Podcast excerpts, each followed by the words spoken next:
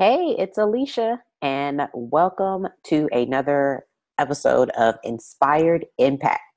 This segment is designed to be real and authentic and hashtag unedited topics that touch the heart. I want to spark conversation and fellowship. Welcome to Inspired Impact with your host, Alicia Ford, the Impact Mentor, content strategist, and course architect. This episode, we are talking about the power and the impact of slowing down. Don't forget to subscribe, comment, and share this episode. Okay, so we are talking about slowing down. And I want you to understand that there is power in the ability to be able to slow down. We are constantly being moved around, we're constantly thinking that there's always something else to do, you know, between social media and, you know, just the different hats and roles that we play in life, we're constantly busy. The world wants to keep us busy. Our society makes it seem like it's a prize that the busiest person is going to win, you know, and in this whole busyness, what we don't realize is that being busy is making us sick being busy is smoke and mirrors. It seems like being busy means you're being productive, but I can tell you that other entrepreneurs and even other leaders and even teachers can tell you that being busy does not always mean being productive. And I know that we all have the ability to create busy work. It can we can seem like we're so busy that we are doing this at this event, that we're going to this, we're trying constantly traveling, we're, you know, we're uh, creating busy work in our businesses and our brands, and but really not actually accomplishing any goals. We're busy, but that doesn't mean we're being productive. And in this in this segment, I want to talk about why you need to slow down and why that's so important in being productive. You know, I know it sounds kind of counterproductive to tell you to slow down in order to be productive, but it's true. There's power in the ability to be able to slow down. If just one thing in particular I can just think about is if you never have the ability to rest, and I'm not just talking about sleep, I'm talking about rest. Like your mind can come to a point where it's not moving a million miles an hour. It can come to a point where it really isn't thinking about anything. It's not thinking about what you have to do tomorrow. It's not thinking about what you have to do next next year or whatever. Just being able to just appreciate being in the moment and actually opening your eyes and looking around and appreciating the time and and the moment that you're in. If you can master mindfulness and master rest then you connect to what's really important to you and you get done what's really important instead of this checklist of busy things that gives you the illusion or the feeling of being productive. But really, you're only productive if you're getting a result. So when you slow down, you force your body to relax and connect to a higher source. Your ability to slow down forces you to step back to what the world is telling you is important. But when you slow down, you tell the world no, that you you're rejecting what the world says is important and then you accept what God is telling you is important. For example, I'm currently working on two certification programs and I'm super excited about what I'm learning. And I go to sleep excited, I wake up excited.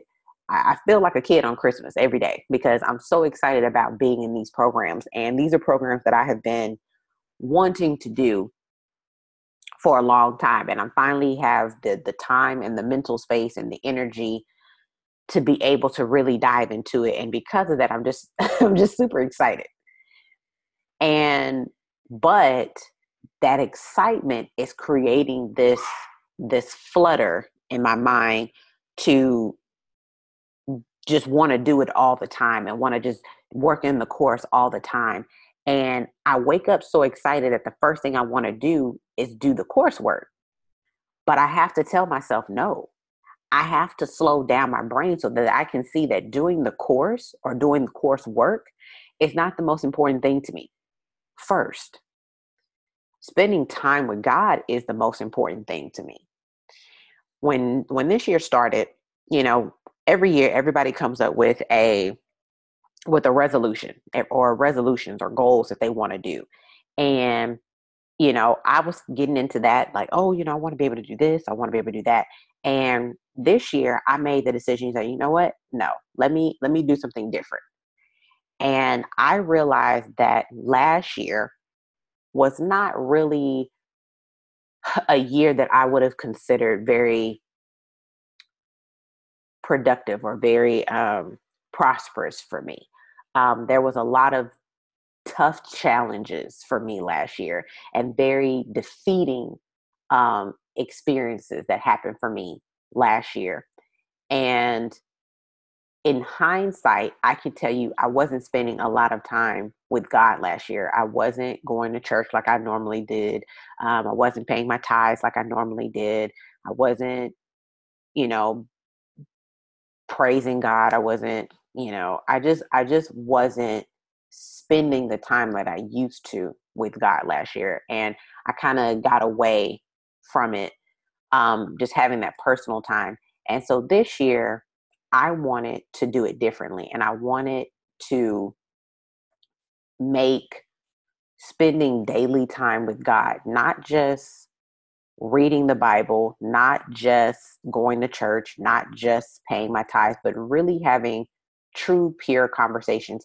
And more importantly, being honest with God when I did talk to Him and speak to Him and really talk about how I felt um, I have a tendency to, if I feel a certain way, if I feel like, well, no, you shouldn't feel that way, I will try to block myself from feeling it. You know, I guess uh, to give you an even deeper example would be um, there was a time when, like, I, I had an incident where my car broke down.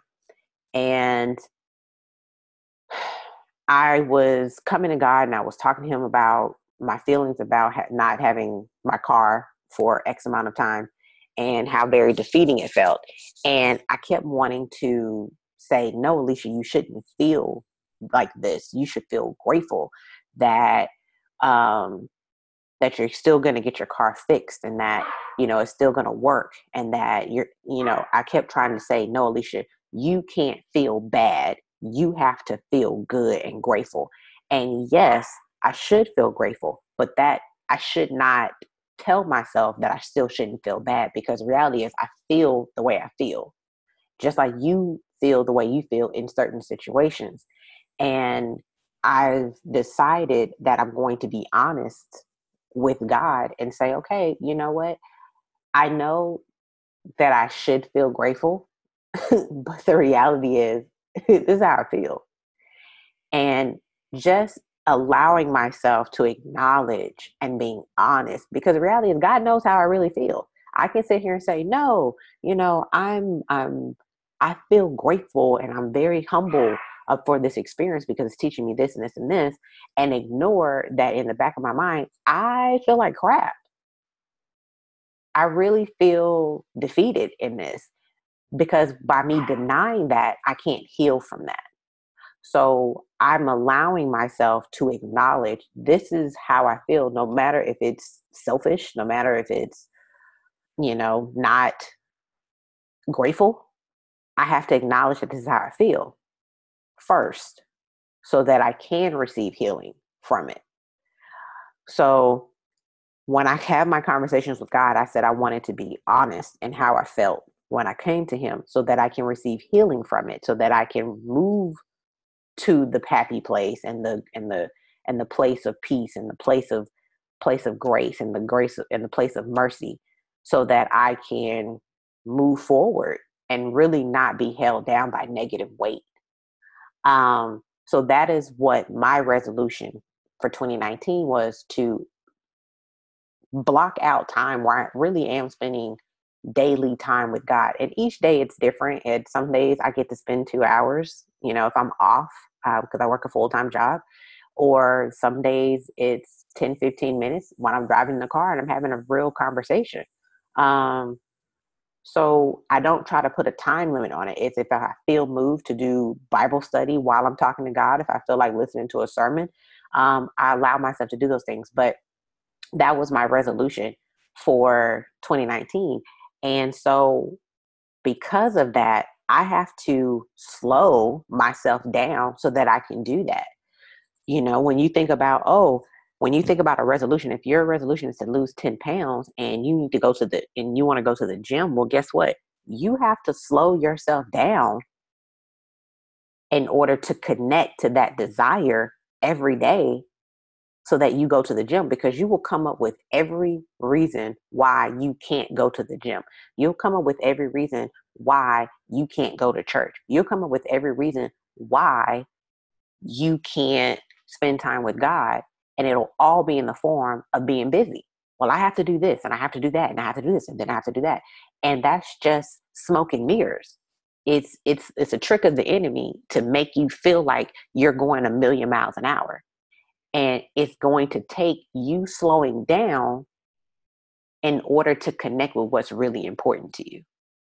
To connect to that feeling, that desire of what's important to you so that you can be productive in that area. So, how can you slow down? When you feel that your mind is going a million miles an hour and all you can think about is the million and one things that you need to take care of, and you feel like you have to do it all at once, that is your indicator. When I sit here and I make my list of things that I need to do groceries, you know, walk the dog, wash clothes, change the sheets, um, get, you know, plan my Instagram uh, content, plan the podcast episodes, do this. When I just think of the laundry list of things that I need to do, and then I start feeling like, oh my gosh, I have so much to do. I, I, I have to do this, I have to do this, and I have to do that, and I have to do that. And then you feel like you can't even focus on one task because you're wanting to do all five of them at the same time that is an indicator and i'm allowing myself to put this kind of like panic in my voice so you can feel it because that is what we do every day and not even realizing it. That's not normal. That's the smoke and mirrors. That's the the the, the anxiety and the intensity that the enemy wants us to feel so that we're not productive. If these are the things that you need to do, I, I almost guarantee you can't do all five of them or, you know, all 10 of those things at the same time. So if that's how you feel, that's your indicator that you need to slow down. So sometimes what I have to do is I have to say out loud, stop, stop, stop. And then I close my eyes. Don't do this if you're driving. Do not close your eyes while you're driving. But you can say, stop, stop, stop.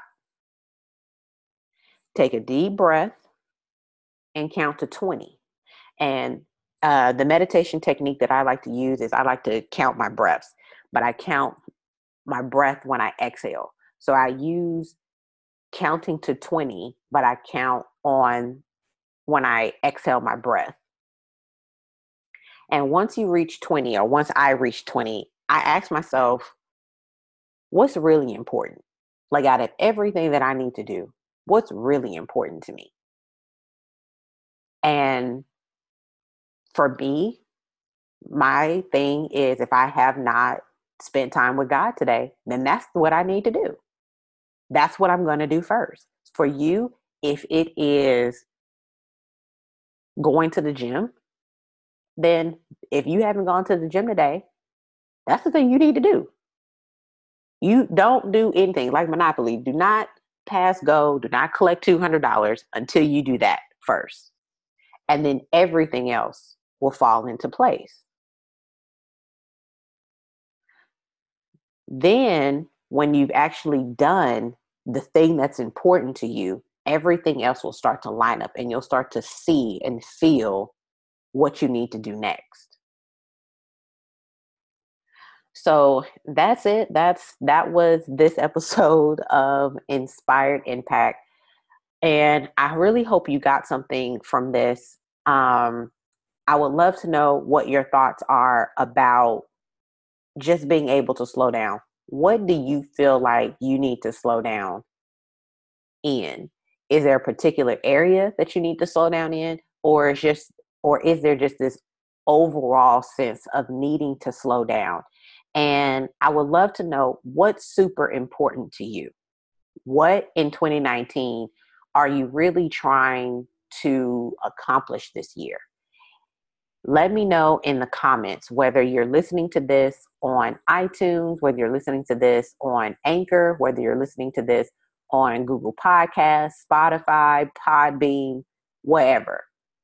Let me know in the comments what is super important to you in 2019 and what steps are you going to take to slow down to make sure that you're accomplishing that. All right, I'll see you in the comments.